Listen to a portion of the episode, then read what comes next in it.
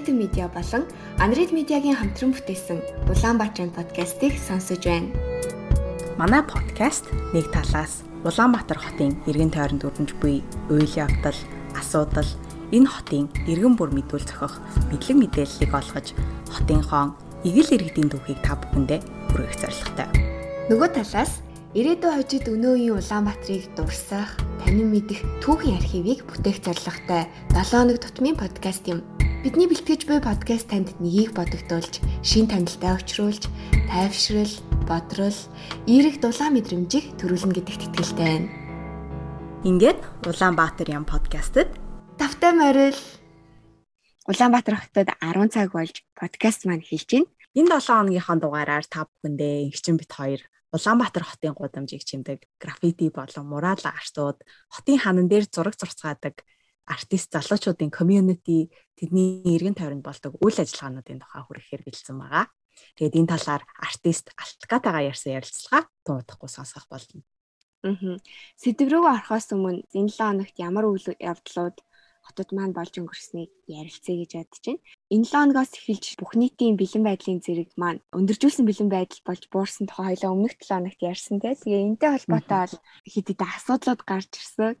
За хамгийн нэгдүгээрх нь бол мэдээж төвчрөл их байла. Бараг карантинлэгдэж байх хугацаанд ер нь төгжирдгээ мартцсан байсан үлээ. Зөвхөн машинууд төгжирэхгүй хүмүүс бас төгжрөөд үйлчилгээний байгууллагуудад айгүй их очирлж байгаа зурагнууд сошиалар зөндөө яваад исэн тий. Ааха. Яг банкны үйлчилгээ авах боломжгүй байсан хүмүүс банк нэгдэнгүүт тэгэж бас очир дараа үүссэн байлээ. Интернет ч юм уу тий мобайл банк ашигладаггүй хүмүүс хөвчлэн тэнд зогссон юм шиг байна. Ааха. За энэ 7 хоног бас Clubhouse Android үйлчлийн системтэй хэрэглэгчдэд нээлттэй болж Android-ийн аппликейшн гаргасан байгаа. Тэгээ карантинаар бол Clubhouse монголчуудад Улаанбаатарчуудад бол маш их хань болсон тий. Тэгээд уйдаага гаргах нэг оо гаргалгаа нээсэн. Тэгээд одоо Android бас хэрэглэгчд орж ирээд тэгээ хүн болгонд бас хүртээмжтэй болоод илүү олон хүмүүстэй хэрэглэгчтэй болж байгаа юм байна. Тэрнээс гадна бас өнгөрсөн 7 хоног цөөнгийн сүлт дутаалаа. Jackaland гэдэг нэртэй Япон хамтлагийн бүтээлээсэн. Хамтлагийн нэг гишүүн нь Монгол юм байлээ. Монгол гишүүн. Өө тийм үү? Тийм, тийм. Тийм болохоор тэр гишүүн үгийг бичээд аа үгийн зохиогоод тэгээд энэ дуу маань ингэж гоё хүмүүст хүрсэн баг Ин Хэрдэн гээд гишүүн байгаа мөлий. Тэр гишүүн бол Японд яг хөгжмийн чиглэлээр их сургуулаа төгссөн юм залуу. Тэгээд сургуулийнхаа найзуудтай хамтлаг байгуулад ер нь ингэ дуу хөгжим хийдэг. Тэгээд тэрнээс өмнө бол уг нэг бактериа гээд монголоор дуусан дуу байгаа билэ. Нөгөө бэр гуйдаг дуу штэ тий буг наманд гэн банаад байна гэд. Тэгээд цэрийг яг ингэ сонсоор нөгөө манай хүмүүсийн Япон хүмүүсийн нөгөө эр үсэг те нэг хатуу дуудлагатай гүйгүүлэгчдийг ингээ хэлж чадахгүй гэд тэгээд тэрийг ингээ айгүй зөөлнөр дуулаад тахаар амар сонирхолтой чихэнд наалтцтай айгүй содон байсан. Энэ хамтлаг маань ер нь өөрсдийнхөө нэг тийм онцлогийг олоод авчиж байгаа юм шиг харагдсан. Тэгээд ер нь цаашдаа бас монголоор дуунууд хийнэ гэд ярилцлага өгсөн байсан. Аха. Айгүй урамтай байгаа хаа дээрэс нь ингээ монголчууд айгүй гой хүлээж авч байгаа болохоор а урамшаад гой гой дуунууд хийгээд байвал хүмүүс гоёор хүлээгээд аваад ах юм байна гэсэн сэтгэл төрсэн баг тий. Аха харин тийм. Тэгээд нэр Японд байгаа монголчууд хамтлагийн гişүүдийг цовин гар дайлаа хүрээ дээрээ гэх тэм зөндөө олон урилгууд ирсэн гэсэн. Нөө за за за. За энэ 7 хоногт бас нийслэлийн төр захиргааны байгууллагууд даваа гаргаас эхлээд 8-аас 17 цаг хүртэл ажиллах цагийн хуваарьтай болж шинжлэгдсэн байгаа. Тэгээд урд нь болохоор 9-оос 18 цаг буюу 1 цагийн хойно ажилладаг байсан. Тэгээд энэ нь болохоор эхний зорилго нь авто замын ачааллыг төвжирлийг бууруулах зорилгоор хийж байгаа юм билээ. Ер нь бол Улаанбаатарчууд 1 цагт гэрээсээ гардаг юм шиг санагдаад байдаг хгүй надаа. Яг ингээд төгжрлийнх нь юм үйлдэлийг нь харангуут бүхэл цаг руугаа ойртох тусам амар төгжрэлтэй. Одоо жишээлбэл 8 руугаа ойртох тусам тий 750 мав 740 мөч гэл айгу төвчрэлтэй болчдаг. А тэгээ бүхэл цагаасаа яг хойшлоод тэрнээсээ нэг хойдлын 10 20 минутанд айгу төвчрэлгүй байгааддаг. Тэгэхээр бүгдээр яг нэг юм тэгш цаг руу бас уралдаж ажилдаа амжих гэж бас нэлээ төгжрэл болт юм болоо гэж боддоо шүү. Монгол тоёутан байхад ингээд 740-д ихний пар ордог байсан хгүй юу. Тэгээ одоо ч гэсэн ордог л ах. Тэгээ 740 хичээлдээ гарах ангаах руу алхдаг Тэгээд хүүхдийн зугаас ангаах руу алхахад нэг 20 30 минутаас болно. 7 цаг гэл би бас яг бүхэл цаг дээр гараад тэнгууд хинч аахгүй. Гадаа бүр ямар ч машин барыг явахгүй. Улаанбаатарчуудын ер нь амьдралын маяг ерөнхийдөө нэг эртэж биш те. Тэгээд 9 цагаас айгүй их ажил ажил нь ордог. 6 7 гэж ажил нь таардаг. Тэнгүүд хажуугаар нь амьдрах зүй юм шиг санагдаад идэг надад. Одоо ингээд өөртөө цаг заваа хизэн гаргаад жимдээ очиж одоо те эрүүл мэндэд анхаарахын хизэн нь гэр оронд эрт очоод хоолоо игээд гэр бүлийнхэнтэйгээ сайхан суугаад оройн хоолоо идгийн одоо цаг зав гарахгүй жоохон хэцүү байгаад идэг шиг санагддаг. А тэгээд нөгөө нэг төрийн үйлчилгээг авахд бас нэг хүндрэлтэй юм. Бидний ажлын цагтаа яг ижилхэн цагаар ажиллаад тэгээ ажиллаад хараад авъя гэхээр адилхан хаачдаг тий. Эсвэл ажилласаа өмнө очиод хөөцөлтийч гэдэг юм уу. Тэгэхээр нэгээгүй байгаад идэх нь бас жоохон хүндрэлтэй санагддаг ус байхгүй. Тэгэхээр ингээд нэг цагийн өмнө бас төрийн үйлдэл ажиллагаанууд ингээд яваад эхэлнэ гэдэг нь бас ажилласаа өмнө амжуулах тийм нэг боломж гарч ирж байгаа юм шиг харагдчихжээ. Аа. За ингээд бит хоёрын бэлдсэн мэдээ мэдээллийн хэсэг дуусчаа. Өргөлжлүүлээд гудамжны урлаг граффитигийн тухай танин мэдхүн хэсгээ хүлээн авч сонсцгоё.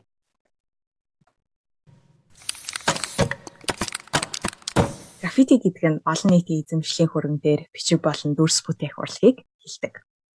Граффити хизээ үссэн бэ гэдэг түүхийг сөхөөд үзэх юм бол манай эртний өмнөх 1-р зууны ромчууд болон маячууд байшин байрлал дээрээс хараачиж янз бүрийн зүйлс бичиж үлдээхээс ихэлсэн гэж үздэг байна. Тэгвэл бидний одоо сайн мэдэх орчин үеийн граффити урлаг хизээ хөгжсөн бол 1965 он Америкийн нэгдсэн улсын Пенсильвания мужийн хүүхдийн колонд орчин үеийн граффитигийн үндэслэл тавьдаж байсан гэгддэг. 12 настай хүү Daryl McQuay энэ колонд cornbread буюу эрдэн шишийн гурлаар хийсэн талханд нугасгүй гэдгээрээ алтартай байсан. Энэхүү талх нь Америкийн уугуул иргэдийн үндэсний нэгэн жор байсан бөгөөд Европод энэ нутгийг колоничлохдоо жорыг нь хулгайлж Америкийн хойгоор суурсаж амьдарсан хүмүүсийн дунд хямд төсөвтэй учраас түгээмэл нэгэн хоол болсон байлаа. Энэхүү эмээгийнхаа хийдэг талхыг колонд байхдаа сансан дайрлах уу колоны тоогоочдод энэ талхыг хийж өг гэж байнга шантажлдаг байсан учраас түүний хамт байгаа хүүхдүүд cornbread гэж очилсан байдаг энэ хочиндаа өөрөө ч дуртай болж тухайн колонд хүүхдүүдийн дунд согтууруулах, мансуурах, зэ хэрэглээ болон хүчирхийлэл илбэг байсан тул энэ зүйлүүдээс өөрөө хол байж чөлөө цагаа өөрөөр өнгөрөөхийн тулд өөрийнхөө cornbread гэдэг нэрээ колоныхоо энэ тэмдгийн ханд бичиж үлдээдэг болов. Колоноос гарсан ч cornbread энэ хөдөлгөөнөө Philadelphia хотын гудамжид найзуудтайгаа нийлэн үргэлжлүүлж өөрсдийн нэрээ ханан дээр бичин үлдээж байв. Энэхүү бичих үйлдэлийг tag хийх буюу шошоолох гэж нэрлэх болсон. Дурлалаа охиндоо зориулж сургуулаас гэрлүү хүртэлх автобусны замынхан дагуу хайраа зарласан cornbread-ийн бүтээлүүд ийхүү шинэ үеийн граффити сонирхчдыг урамшуулж Филадельфия хотын ханаар өөр өөр нэрс дүүрч эхэлж байв. Бид өөрсдийгөө уран бүтээлчд, артист гэж нэрлэхээс зайлсхийж бичээчүүд гэж тодорхойлдог байсан. Тэгвэл мөн адил Америкийн бас нэгэн хот Нью-Йоркд Таки 168 нэртэй бичээч нэрээ Нью-Йорк хотын гудамжаар дүүрэн үлдээх үзэгдэл адил хөгжиж байсан. Cornbread болон Таки 168 нарын хувьд гудамжинд өөрийнхөө нэрийг бичиж үлдээж хот даяараа алдарших нь гол зорилго нь байсан учраас ботлын тосноос ахуулаад олцсон юм бүхнээрээ л нэрээ бичиж үлдээдэг байлаа өөрийнхөө нэрээр инхөө олон нийтийн газрын ханыг шашглаад ямар нэгэн асуудалд орохгүй байх нь тухайн залууст адреналин хөдөлгсөн зүйл байлаа. Тэд зоригтой, зоригтой, тууштай байсан ч гэсэн ихэнх нь маш залуу, бас ядуу учраас өөр зүйл хийж чөлөө цаг өнгөрөх боломж нь хязгаарлагдмал. Нэрээ гудамжид шашглах нь энэ нийгэмд өөрсдийн нэрийг өндөрт гаргаж хүндэтгэл хүлээх тэдний нэгэн арга байсан юм. Нью-Йорк хотод эрчимтэйгээр бүл хэмж байсан бичээчдийн хувьд өөрсдийн бичгээ хотынхоо 5 дүүрэгт хүрэхийн тулд метрон дээр таг хийж эхэлсэн байдаг. 1970-аад оны энэ цаг үедээ зэрэгсэн тухайн үеийн улс төрчид Нью-Йорк хотын захиргаа бичээчдтэй эрчимтэй тэмцэж хан метро дээр бүтээсэн граффитинуудыг дарж, будаж, цэвэрлэж байлаа. Хотын захиргаа будаа цэвэрлээ цагаан болгоод өгчсөн хан бол метроны гадаргуунд бичээчдийн хувьд харин хоосон зотон болж өгч улмаар шин зүйлс туршиж үзэх боломж бүрдүүлж бүтээлч байдлыг нь улам илүү хурцлж өгсөн юм.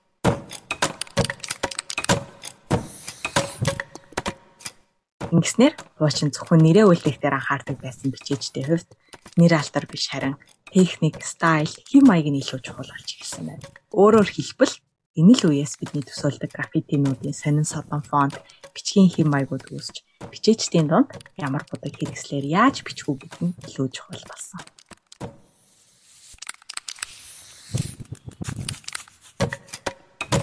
Ийхүү 20-р зууны сүүл 21-р зууны ихэнх үед бидний өнөөгийн мэдэх гудамжны граффити урлагш нь олон талт бүхий уран сайхны мэдрэмжээ, нийгмийн асуудлыг хөндөх, үзэл бодлоо илэрхийлэх талбар болтлоо хөгжих хөгжлийн суурийг тавьсан байд юм байна. Гудамжны урлаг дотор олон төрлийн артууд байдгаас бид Улаанбаатар хотод мурал арт болон граффити хоёрыг ихэвчлэн хардаг. Энэ хоёрын ялгаа нь юу юм бэ гэхээр мурал арт нь ханан дээр ихэвчлэн нэлэнхүүд нь илэрхийлэмжтэй зураг будгаар зурдаг бол граффитийн ихэвчлэн текстэн бичиг үсгээ дүүргэж шүршдэг будгаар бичдэг урлаг юм. Улаанбаатар хотод хипхоп урлаг төгж эхэлж байхад байшингийн гаражны ханан дээр хамтлагуудын нэрийг олонтоо хардаг байлаа. Click click boom-ийн tag бол хороолол болгоно байх жишээ. Суурийн краштай хайраа зарж цонхных нь гадаа ханан дээр бичдэг байсан бидний хотод төдийгөөс өдий хүртэл энэ граффити урлаг маш хурдцтайгаар өсөж олон бичээчтэй болжээ. Би биенээсээ суралцаж, өрсөлдөж, найзлаж, нөхөрлөж байгаа энэ хамт олноос нэгэнтэй ярьсан бидний ярилцлагыг та бүхэн хүлээн авч сонсноо.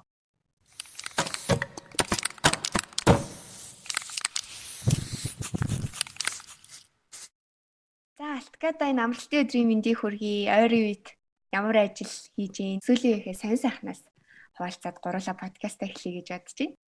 Өөр үеийн сонь сайхан гэвэл ер нь л ажиллаад л байна.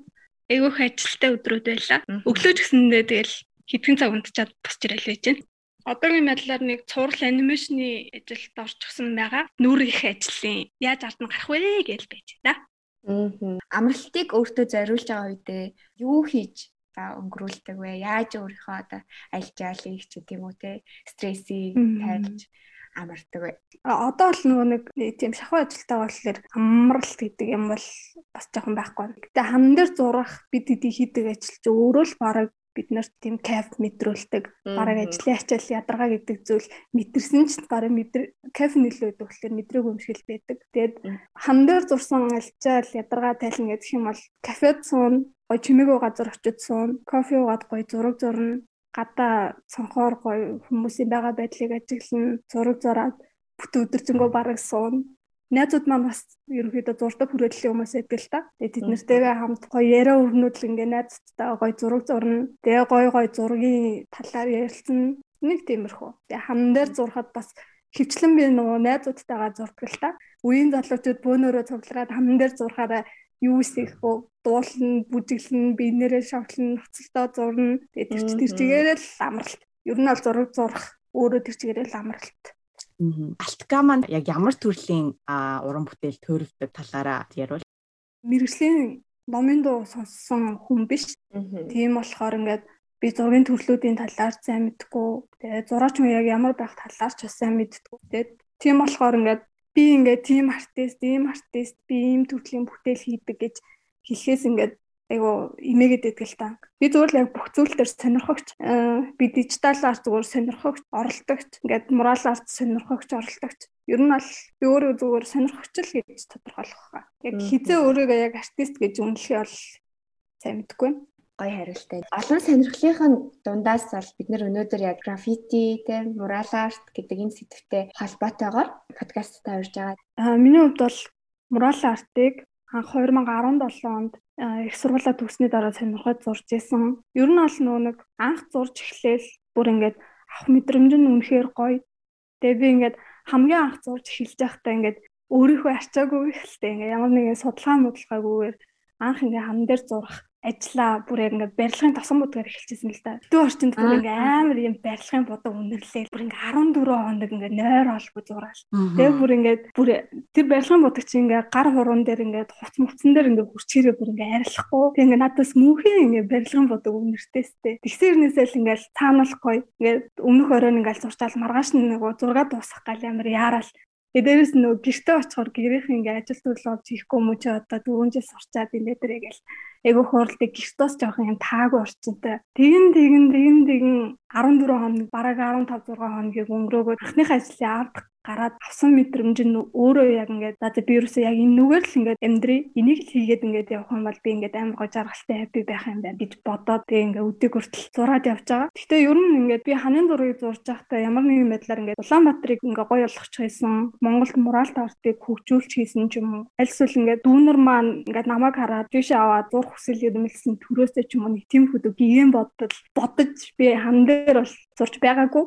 Үнэ л хэлээ. Хан дээр зураад зурсны дараа авах мэдрэмжийг авахын тулд ингээд зурдаг. Би хичнээн ингээ өөрийнхөө төлөө би өөрөө өөрийнхөө скетчийг хин нэгэнд зориулахгүйгээр ингээд зурж байгаа ч гэсэндээ бүтээл маань тэндээ үлдчихэж байгаа. Би тэр бүтээлээс зурах үедээ зураг ингээд дүнгиж эхлэхээс ахуулаад скетчээ гаргаад будгаа найруулаад биер багсаараа ингээд дудгаа тавиал хамгийн сүүлд нь ингээд нүд дүүрэн үрдүн хамгийн мурал артны өөрөө хамгийн гоё нэг тийм яг үр дүн нь ингээд маш том хэмжээтэй энгийн зургуудыг бодох юм бол тийм болохоор ингээд авах сэтгэл ханамж бүр ингээд амар өндөр байдаг. Бусад ингээд зургийн төрлүүдийг бодох юм бол мурал арт өөрөө айгүйх нөгөө нэг бие хүч айгүйх шаарддаг. Гадаа наатай шороотой, салхитай. За тэгээд өндөр дээр зурна. Тэгээд тэр болгоныг ингээд зурж хахад зураад дуусны дараа авах мэдрэмж нь өөрөө ингээд хэдий ч нэ том хан байна төдий ч нэ ядарна ядарсныхаа хэрээр тэр зүйлээ ард гарсныхаа дараа авах мэдрэмж нь өөрөө бүр ингээд амар кайфтай бүр яг тэрийг би нөө өөрөө мэдэрсэн ч гэсэндээ тэрийг би илэрхийлж зүрээсээ чадахгүй байна.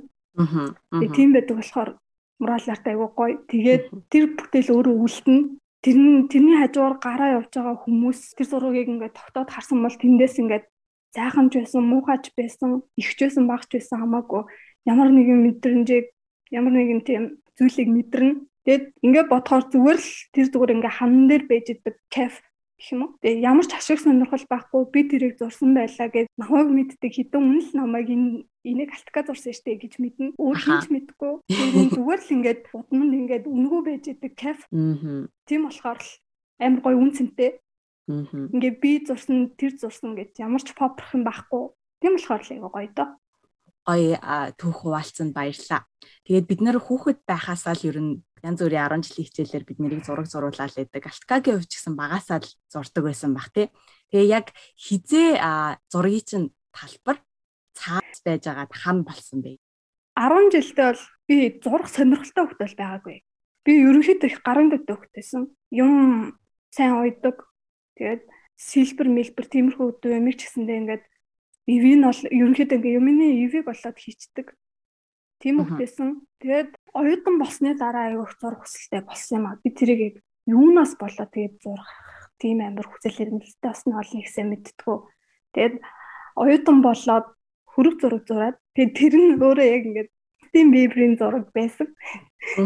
Тэгээд ингээд хөргийг зураад хамгийн анхны хөрөг ингээд айгуу дайчгүй миний хувьд л та айгуу дайчгүй болоод тэгээд ингээд өөрөө өөртөө ингээд би чадчихлаа гэдэг мэдрэмж амар гоё байсан. Тэгээ ингээд айгүй урамшаад тэгээ ингээд дахиад өөр ингээд өөр тийм дууч муучныг зураад тэгээд тэрнийхээ дараа сахбатлаад ингээд ойр тойрны хүмүүсээс ингээд нэг юм хөөрхөн нэг юм жижиг юм захиалга хийж шиг зүйлс ингээд яг ингээ орж ирсэн л тээ ингээ найзууд найзууд ингээл найз охин зураадаг манай тэрийг зураадаг гэл тэгэл их сургуулийн манай ангийн найз анх хамн дээр зурхыг асууж исэн. Тэгээ би бол зүгээр амар уулах төвшөөрчсэн л та. Яа тэгвэл угаасаа ингээд Facebook, Instagram-аар дагдаг зураач нар маань дандаа л юм хамн дээр зурдаг хүмүүсийн тийм бүтээлүүдийг зураач нарыг баян ингээл нөгөө орой ингээд уцаа ингээд гүйлгэж захтаа тэдний ингээл бүтээлүүдийг баян гардаг. Тэгэл хөө хэднэр шиг гоё ингээд зурх юмсан. Ямар гоё юм бэ? Тэгэл баян боддог байжаа зүгээр өөрөө ингэ зурчээ гэж хүн ерөөсө боддгоо юм лээ штэ. Заавал ч хин нэгэн хажуунаас тэгчээц гэдэг юм бол ингэ зурдаг. Тэгээ би бол хамгийн хам дээр зургийг гэжсэн нь бол манай их сургуулийн ангийн найз маань байсан. Тэгээ бид хоёр нөгөө нэг нэг нөхөн гарцны нэг хажуу талд нэг зурж исэн юм аа. Миний хамгийн анхны хамгийн зураг тэр л байсан. Нэг юм тамир за юу зурж панданы зураг. Аа ямар хөөж панданы зураг зурж исэн. Одоо байгаа юу тэр зураг нь? Одоо байт юм байлээ. Тэр нэг макгүй орнолоогийн хажууд үйдэг нэг машины нүхэн гарцсны хажууд зурч байсан. Тэгээд бас амар гоё санагдчихсэн. Тэр нь анхны юмнууд айгаа гоё дурсамжилтэйгээл явдаг шүү дээ. Юу хэмдэ анх ингээд нөгөө нэг зурж эхэлж байхдаа надаас ингээд айгүйх тийм хэлбэртэй гэх юм уу. Ер нь аль зурдаг бүх хүмүүс л барыг тэгэж эхэлчихсэн байна. Би ерөнхийдөө futurist картад айгүйх дуртай. Метраллаг чанар дээр ажилд зурх айгүйх дуртай. Тэгээд тэр метраллаг чанар маань хуучин идэлгээ идэлсэн метраллаг чанарыг харуулах тийм ажиллагаануудыг харуулах аюу дуртай. Аа. Яг тийм зүйлс надаа ингээд хуучин тийм болохоор ингээд айгуу гоё ийм тайван тэгээ ингээд бүх зүйл ингээд ард гарцсан тэгээ ингээд амар амар амгалан байгаа юм шиг нэг тийм мэдрэмжийг ерөөхдөө бодож хийх зургууд маань зурагддаг. Тэгээ зургууд дээр нэг хөөрхөн хар багтай аавсгтэй хувц өмсцөө нэг cute дүрсэл яваад байдаг шүү дээ. Тийм зарим зурган дээр одоо анзаарахдаггүй ч гэж мэдхээр тийм нэг дүрслэл ингээд бүгдэн дээр нь байгаад байсан. Тийм тэр дүрслэлийн тухай. Тэг өөрөө нөгөө артист гэж хүлээн зөвшөөрдөггүй болохоор ингээд өөрөө өөртөө нэр мэр өгч өрөөсө чаддгүй байхгүй юу. Дээрэс нь би нөгөө ингээд зурсан зурагтайгаа хамт ингээд зураг мөрөөсө даруулдаггүй. Тэгээ тийм болохоор ер нь аль э, саяхнаас ер нь хэлэн дээрээс ахуулаад би ингээд зургууд дээрээ өөрийн гэсэн нэг характертай болоод Тэгээ түүнийгээ зүгээр ингээд зургууд дээр ингээд тийм ч амар нүдэнд үл харагдахгүй ч байсан хамаагүй газар ингээд тэр зүйлийг ингээд байрш үлчээ. Тэгээ тэр зургийг ингээд сайн анзаарч харсан хүн хэрвээ намайг мэддэг бол характераар маань хараад намайг аа энийг алтга зурсан юм биш үү гэж бас таних болов гэж бодоод. Тэгээ ерөнхийдөө өөрийн таних тэмдэг бодлогож бараг л өөрийгөө зурсан дөө. Алтгагийн зурсан зураг болоо да гэж бодогдмоор тийм нэг гол өнгө байгаа даа штэ. Одоо номин ногоон өнгө гэх үү? Аа. Номин синхэр юм уу да? Аха. Энэ өнгөний тухай тайлбарлаач. Би яг яа дуртай байгаа гэдгээ мэдэхгүй. Зүгээр л яг энэ өнгөнд би амар дуртай. Надад нэг юм гоё мэдрэмж төрүүлдэг. Тэгээд би ингээд хизэнээс ч юм мэдэхгүй бүх зургуудтай ингээд ням ногоон ингээд зүгээр ингээд өнгө найруулаад байж захтал ингээд жоохон юм дулаан гараад ирэнгүүт надад нэг л таалагдгаа болоод би ингээ өөр юм билүү ингээд нэмсээр байгаа л ингээд дандаа хүүтэн болгочдөг. Тэгээ хүүтэн өнгөдөө дандаа нэмэн ногоон луу голцоо тийм өнгөтэй болгочоод байдаг юм аа. Алкагийн инстаграм дээр яг нэг айгүй гой зураг харсан юм а. Тэр яг нэг номин ногоон өнгө байсан. Тэр нь яг өөрийнхөө гарыг ингээд одоо ингээд бодог олцсон гараа ингээд авцсан зураг байсан. Тэгээ яг тэр номин ногоон өнгө цаана нь бас зураг нь ингээд номин ногоон өнгөтэй. Тэр гартай зурагны хувьд бол яг тэр үеэр манай ах гэр бүлтэй болоод тэг ингээд шинээр байранд орж байхад нь би би өмнө яг ингээд нөгөө цотноо хоолстой тийм зураг яг ингээд бүр ингээд хичээгээд тийм том хэмжээтэй цотон зураг ерөөсө зурдаг байсан байхгүй. Тэгээд зурдгуу байжгаад би анх ахыхаа шинэ байрны найрандаа бүр ингээд амар сэтгэл гаргаад тэгээд бүр ингээд аюу олон хоног тэгээд зурж байсан айгу гоё үеийн зургийг санууллаа. Киборг бас э, хэлбэртэй тийм зургууд харагдаад байсан тийм инстаграмд нь. Тэр болохоор өөрийнх нь бас нэг сонирхож байгаа чиглэл лөө. Тийм сонирхол Эрдэнэсийн арал мал гэдэг ингээд бас яг юм нэг хагас тийм рофт тийм нөгөө дөрүүттэй уучны гоё гоё кинонууд байдаг байсан шүү дээ. Яг нэг тийм стилийн кинонууд надад бүр ингээд багаас мань ахуулаад маш их таалагддаг байсан. Энэ болохоор ингээд технологи маш их хөгжөөд хүмүүс бүр яг ингээд тэр технологиг яаж ашиглахаа мэдхээ болчихсон. Яг л нэг юм өнгөрсөн хуучин яг тэр тэр текстүртэй ажиллагаанууд зүгээр тэр ингээд өнгө айс яг тэр бүр ингээд өөрийнхөө юм сонирхол татдаг. Нөгөө дистопия гэдэг штэ бас а нэг тийм сүрсэн ч юм уу те нэг тийм яг Улаанбаатар хотыг бас яг нэг тэгж дүрсэлсэн бас зургийг харсан. Тэр өстой гоё зураг байсан.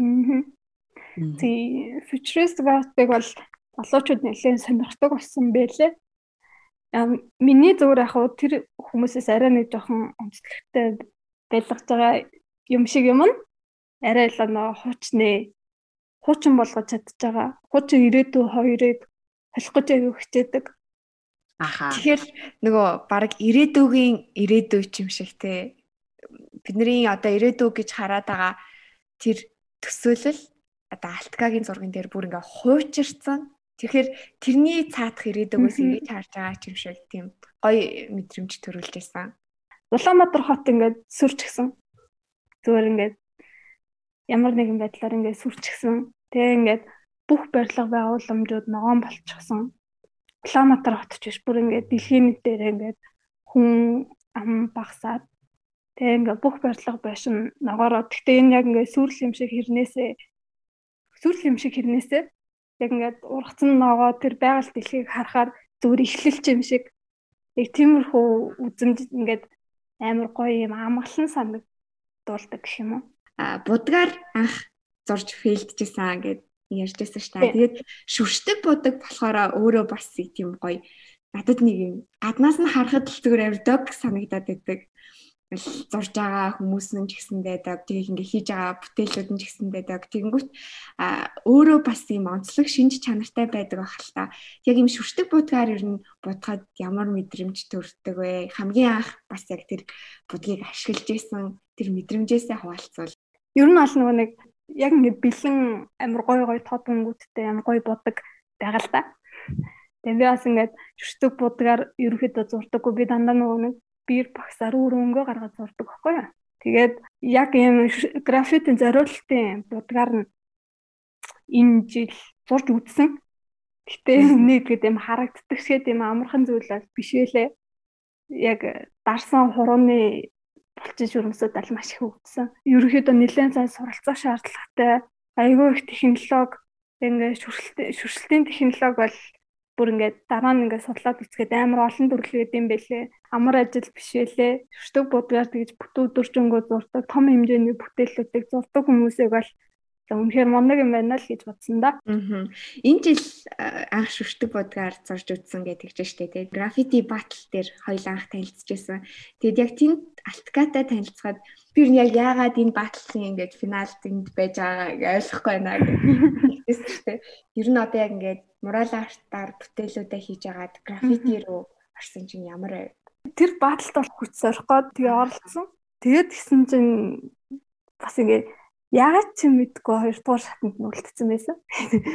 Тэгээд яг тэр зурж байгаа хэвцтэй бол би ингээд граффитийн талаар нэлээх бас хайсан. Тэгээд мундаг мундаг зурдаг хүмүүсийг харсан.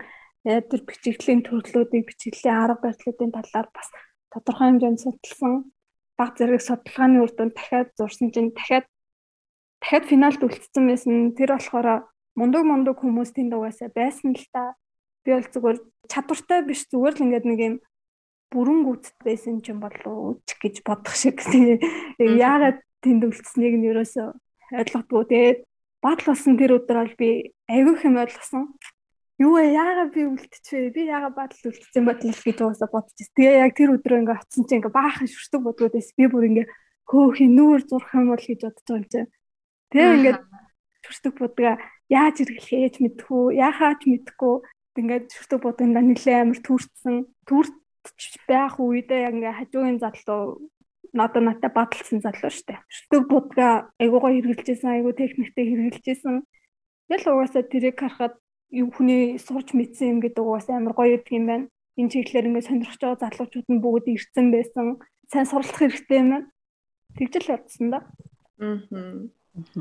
Граффити батл яг тэр яг явагдаж байгаа процесс нь бас айгүй сонирхолтой санагцсан. Би Facebook-ээс яг 40-гийн бичлэгүүдийг нь олж үзсэн байхгүй юу?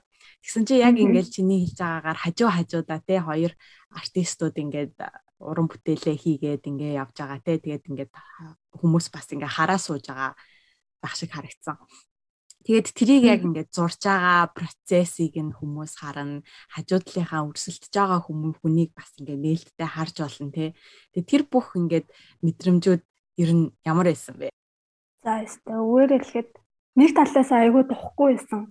Би би өөрөө ингээд тодорхой хэмжээнд зургийн ингээд баг зэрэг мэдгэдэгтүүнтэй Тэгээ ингээд хан дээр өмнө хид хид удаа зурж исэн ч гэсэндээ надаа яг тэр өдөр би бараг анх удаа хан дээр зураад байгаа юм шиг айгуу тийм гэх юм нэг тийм амар сонирн мэдрэмж авсан. гэж хэлсэн өөрийгөө амар голсон.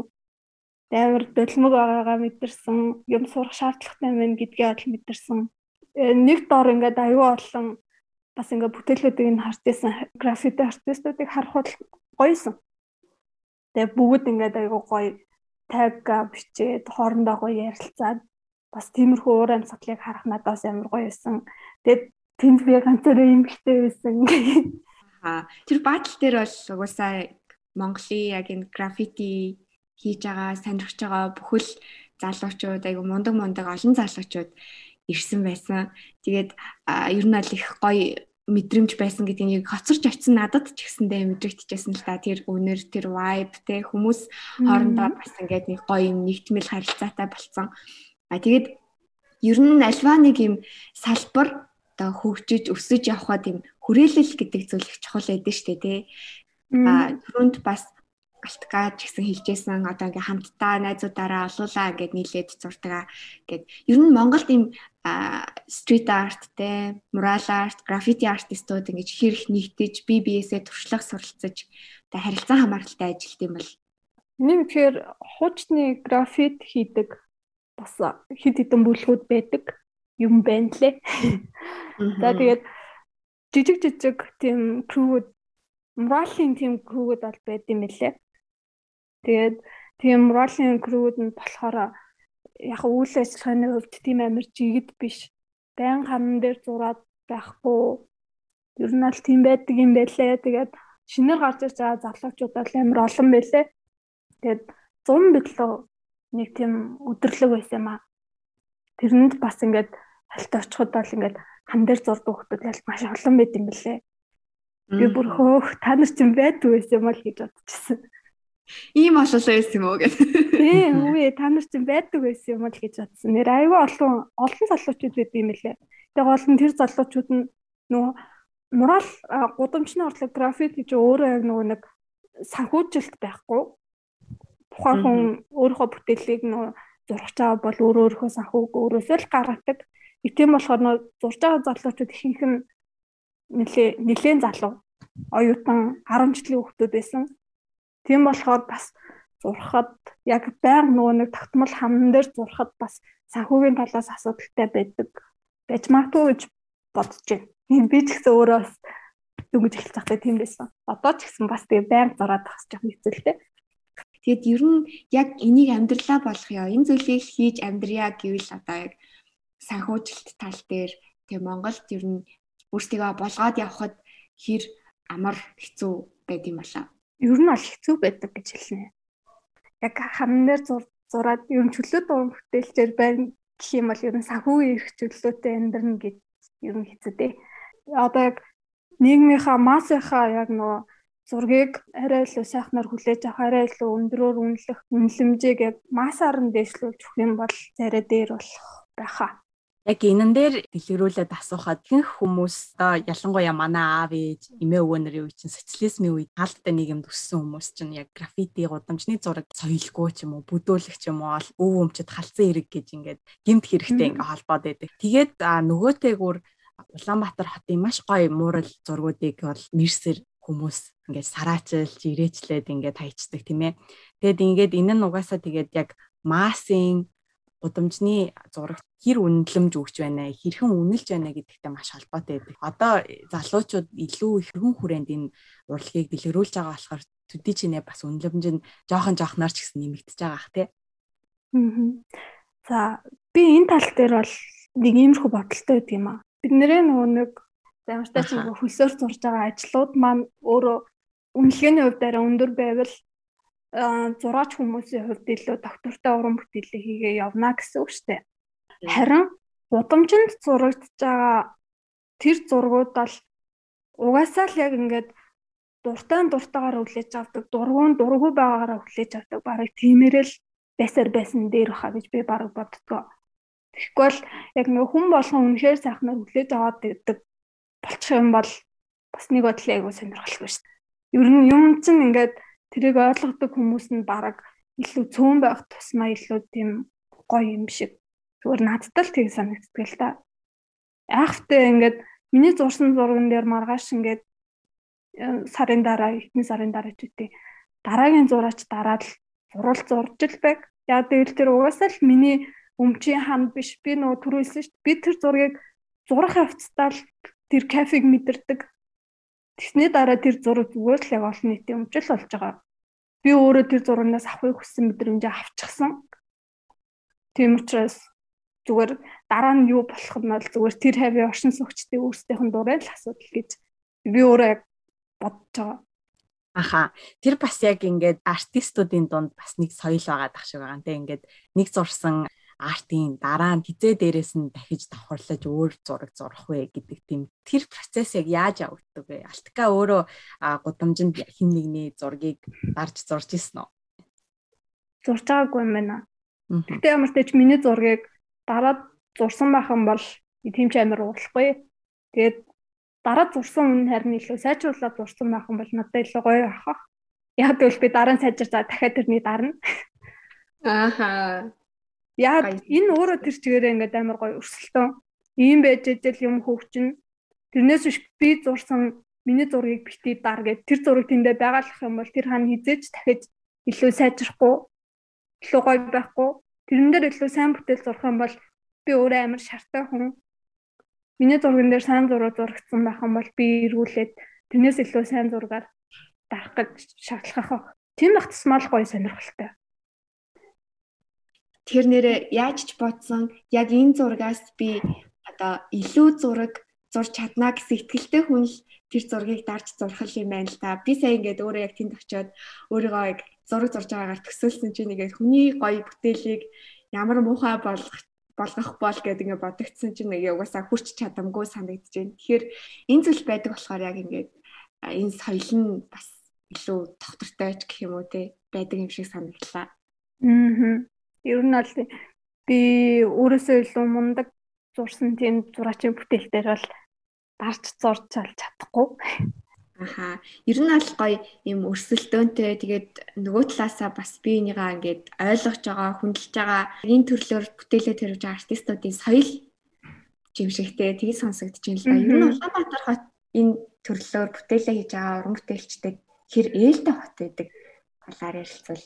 Ер нь гайгүй штэ. Гүшин хүмүүс хүмүүс ингээд онцгой юм зурчлаа, муухай юм зурчлаа гэж шүмжлэх үе байна л да би өмнө нь тэрэнд аяг гомдоод байдаг гэсэн. Хөвшин хүмүүс ингээ хүн ингээ гоё ингээ муухай болсон ханыг ингээ гоё болгож байгаа чинь загинлаа магинлаа гэд аяг гомдож момдоод мангартдаг байсан. За одоо яг ингээ бодоод байхад угаасаа юм гэдэг чинь хоёр талтай. Магадгүй миний зурж байгаа зураг надад өөрт маань аяг гоё байгаад би тэрийг зураад тэрийг бас ингээ надтай адилхан бас ингээ гоё гэж харах хүн байхад тэр харсан байгаа хөвшин хүний талаас бас ингээд харахад таалагдахгүй байж болно шүү дээ. Гэтэ яг заавал тэр хүн урдлаг гэхээр л тэрийг заавалчгүй гоёор ойлгох хэрэгтэй байд. Таалагдахгүй байж болно. Тэрийг яг настай хүн болохоор илэрхийлсэн ч болно. Тийм болохоор ер нь бол миний миний муухай гэж бодож байгаа юм яг үнэхээр муухай биш. Тэр хүний муухай гэж бодож байгаа юм бас муухай биш. Тэр хүн миний зургийг муухай гэж хэллээ гэд хэллээ хэллээ гэдэг чинь муухай гэсэн үг бол биш шүү дээ. Үнэхээр хүн болгоо угаасаа яг гэвэл тэр олон нийтийн өмчийн газар би зурж байгаа учраас тэндээс ирж байгаа шүүмжийг бол авах л ёстой. Улаанбаатар хот сүүлийн үед ч гэлэхгүй нэр нь нэлээд хэдэн жилийн өмнөөс л ингээд mural art, street art, graffiti гээд олон олон гой гой өнгөлөг гудамжууд тэ ханнуудгүй их болсон. Алткагийн хувьд Улаанбаатар хот дотроо хамгийн дуртай газар нь гудамж нь юу вэ? А ер нь төмөр зам штэ.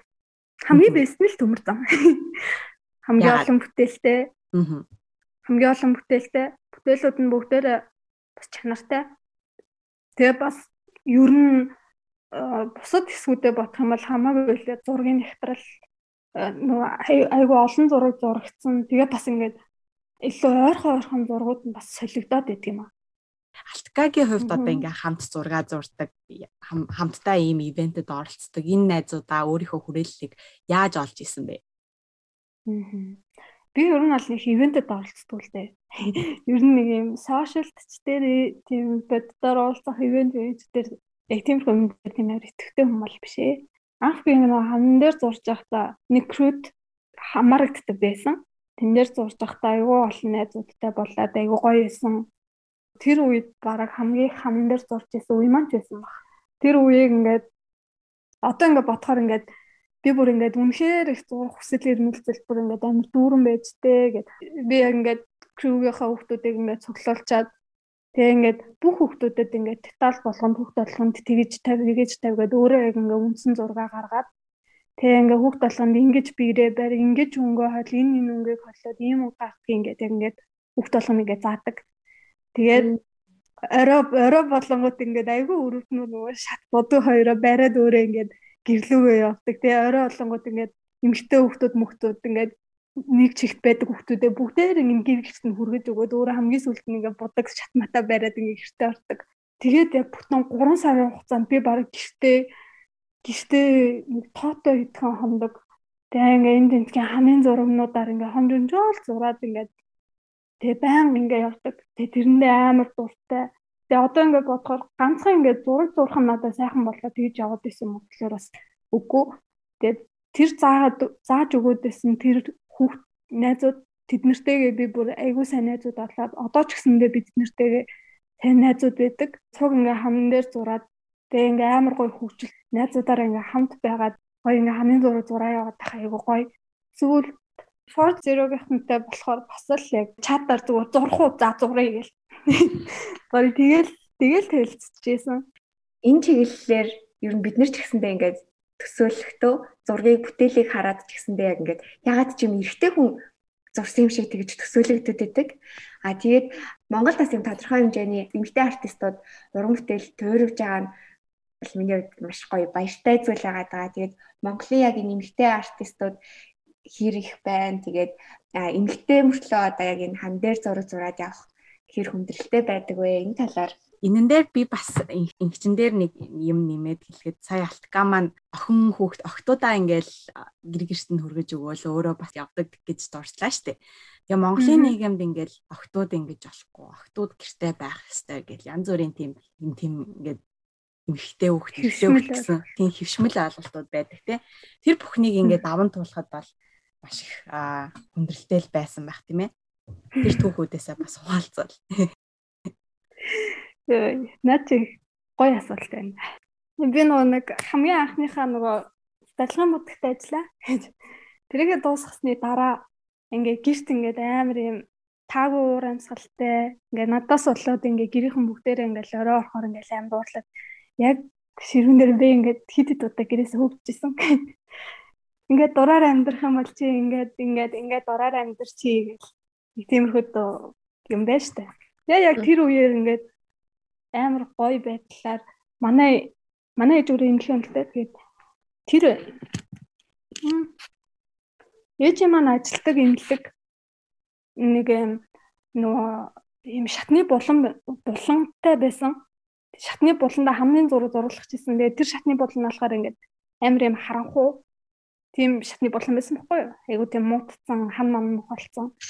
Тэгээ би яг тэр хан дээр нь зураг хам дээр нь зураг зураад тэгээ тэнгэрийн илч мэлцтэй ингээд тэнгэртэй үүл мүлтэй тийм нэлээд том хэмжээний нэг тийм зураг ах яг ингээд зурах зурхаар болоод тэгээ би тэрлөө ингээд за за би угаасаа зурна аав ээж уурлал уурлал гэж бодоод тэгээ би тэр зургийг ингээд зураад бараг 7 хоногийн дараа манай ээж ингээд намайг хан дээр өөрийнх нь нэмлийн хан дээр зурж байгаа гэдгийг мэдсэн байхгүй.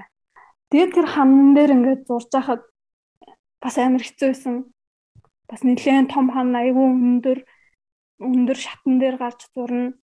Тэгээд тэгээд ингээд таазан дээр хүртэл зурж исэн. Тэр нөгөө нэг бүр юм хоёр давхрын бүр ингээд шатны дээдл. Ингээд тааз модон дээр зураад би бүр ингээд амар ядраад тэг гэртээ очихгүй гэртээ очиж чадахгүй. Тэгээ ингээд бүр ингээд шатны булан буланд хаяа хоноод хаяа ингээд ээжийнхээ ажлын өрөөнд орж хоноод Тэгээ би бараг тэр шатны булна бараг 10 хоног яг ингээ хонж өнжөөд ажиллаад тэр ажлын аавд ингээ гарсны дараа аав ч бас ингээ уулсан ивэрэл ааш. Тэгээд гисэн чи нэг өдөр ээжийн маань ажлын хүн ингээ танаа охин ханы зургийг зурсан гэлөө ямар мундаг юм бэ? Би ингээд өмнө нь энэ энэ шатаар ингээд нөгөө нэг хүмүүн хөргөж өгөөд энэ тарай зөөгөөд ингээд явах болгондоо би ингээд энэ хэсгээс ингээд шүн өрөөгөр явахаар ингээд амир айгаад идэг байсан юм аа. Тэгээ одоо ингээ амар гоё болцсон. Би ингээ шүн миний хот дэжэж аяхгүй байгаа. Ямар мундаг ингээд ингээд ажлынхын хүмүүс яг ингээд ийм эрг сэтгэлдлүүд хилээд хэлснээ дараа ээж ингээд санаа бодол ингээд амар эргээд эхэлж байгаа байхгүй. Тэгээ ингээд ээж бас ингээд аавд ингээд байн хилээд тэгээ ер нь аль бараг тэгж хүлээн зөвшөөрөгдсөн. Яг 10 хоног ээжийнхээ ажлын газар шатны бодлон болонд бүр ингээд шатны бодлон болонгоос ингээд ингээ альчуур малчуур барьсан нүүр гармаар авгааж гарч ирж ирээд барыг барыг нэг тим байж байгаа л тэгж ханын зургийн зөвшөөрөл авч байсан да. Тэгээд тэгснээ дараа яг бараг л бүрэн хүлээн зөвшөөрөгдсөн гэх юм уу.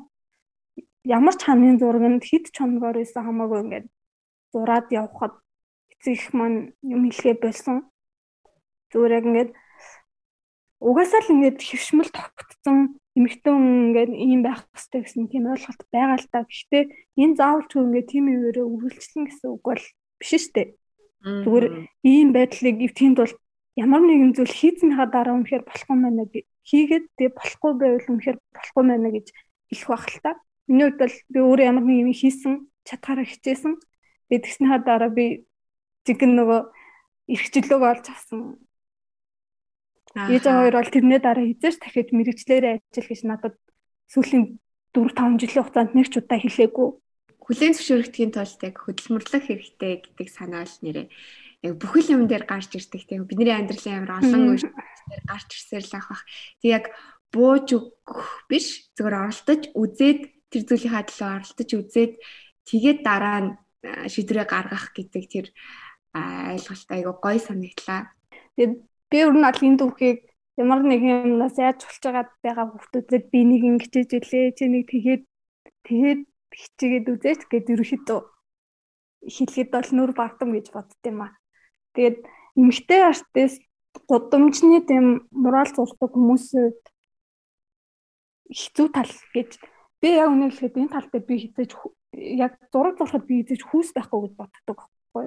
Тэгээд энэ нь одоо юу ч хэлмээр ч юм дээ За үнэ ялч ингээд эмэгтэй эрэгтэй хүний би физлог өөрөө өөр л дөө. Эрэгтэй хүн эмэгтэй хүн эрэгтэй хүнээс илүү би би би физлогийнхоо вирус илүү сул дорой байж магадгүй. Гэхдээ энэ нь өөрөө яг ингээд зурхыг хүссэн зүйлээ дуусгахад ингээд ямар ч хамаагүй зүйл гэж бодд юм аа.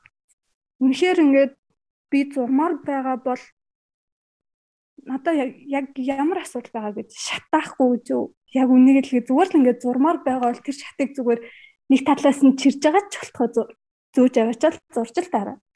Зүгээр савтаа будаг даахгүй гэж?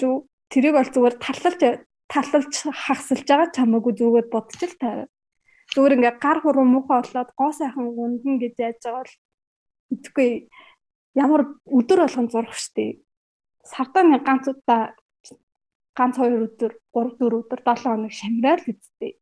Яах ч штеп. Тийм болохоор эмгтэй хүнгээд ямар нэгэн байдлаар хамгийн зурагнаас хоошоо сууж байгаа л би энэ зүгээр шалтгаал гэж хэлнэ. Аа. Мм ямар гоё юм бэ? Бараг би гараа зурмаар санагдчихлаа. Харин тийм ээ. Янх зүгээр яг ингээд өөрөө хүсгүй байгаа ч гэсэндээ ингээд сурчээ да гэд очивол хийх хийж чадах зүйл биш л ахал та. Уусаа өөрөө хүсэж ийж дурлж ийж тэгээд тэр хийж байгаа зүйл нь өөрөө амралт яг тэр кафе авах зүйл нь болж иж л яг энэ дээрээ төвлөрч гоё бүтээлүүд хийх баг. Яг зөв. Би одоо тэнд очиод энд очиод би зөвлөхийн оронд тухайн хүн өөрөө хайгаад тэр зүйлийг эхлүүлэх юм бол тэр өөрөө бүр ингээд хамаагүй л үнцэнтэй хамаагүй л гоё. Яг л нөгөө би нөгөө тосон бодгоос эхэлдэг шиг л. Тэгээ яваач мэдгүй хэлжээл хамаагүй гоё. Тэгээд ямар ч гэсэн байгаа юмараа будаад үзье гэж Га хэлсэн байна. Тэгээд энэ сторийн бас өөрийнхөө ингээд дуртай юм хийгээд тэр зүйл дээрээ суралцаад хөгжөөд амьдралынхаа нэг хэсэг болгоо явж байгаа түүхүүд нь үнэхээр гоё сонирхолтой амттай байлаа. Тэгээд бидний урилгыг хүлээж авч өөрийнхөө энэ гоё түүхүүдээс хуваалцсанд маш их баярлалаа. Ижил ихтэй бас өдрийн маань нэг хэсгийг юм гоё ярилцаад өнгөрөх бас надад бас айгүй гоё байлаа. Алткада тэгээ цааш цааштай ч гэсэн маш олон уран бүтээл туйрваарэ бит хоёр тэр нөгөө character аг-ыг хараад те өө энэ манай алткагийн зураг байна гэд өргөлж хараад дэмжиж явж авах болноо тэгээд маш их баярлаа дахин дахин баярлаа Өнөөдрийн хаан дугаараар граффитигийн үүссэн түүх Улаанбаатар хотын ханын зураачд болон бичээчдийн тухай сонирхууллаа. Тэгээд бидний урьж оролцуулсан зачин Алткагийн хуваалцсан түүхүүд уран бүтээлч болохоос айж имэж байгаа залуучуудад түлхэц үг хүйз биер шүршдэг будгаа аваад шууд зураад хэлмээр урам зориг өгсөн байх. Аа. За тэгээд подкастынхаа төгсгөлд Чакаланд хамтлагийн Монгол цовын хэрвээ дог хүргэе. Тэгээ өнөөдөр амралтын өдөр юм чинь гараа гаргаад гоё цовин хийж идэ гэж би хөвдөө бодож байна. Тэгээ та нар ч гэсэн дуртай хоолоо цаг гаргаад хийж идэрээ. Гой хоолол нэг төрлийн бясалгал юм гэж ярьдаг штэ тий. Тэгээд өнөөдрийг бас гой өнгөрүүлцгээгээрээ. За тэгээд дараа 7 хоног шин сэдвтэйгээ, шин мэдээтэйгээ, шин танилцтайгаа хамтдаа уулзцгаая. Баяртай. Баяртай. Монгол зүгэн хэрэг сулда амстаги сүгэн дэжлэнт юмасан.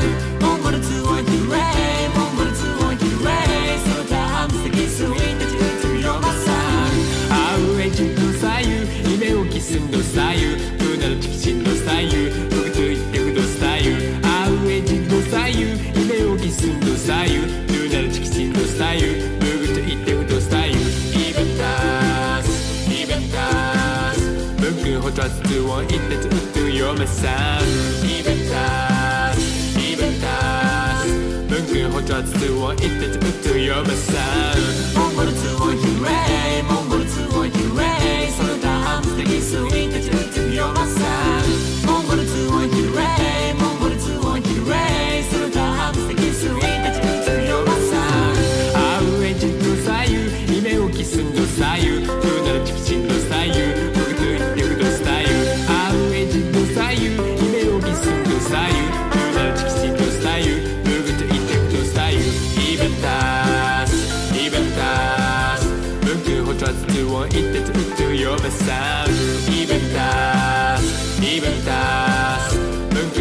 つを言っててうって読むさボンゴツはゆえも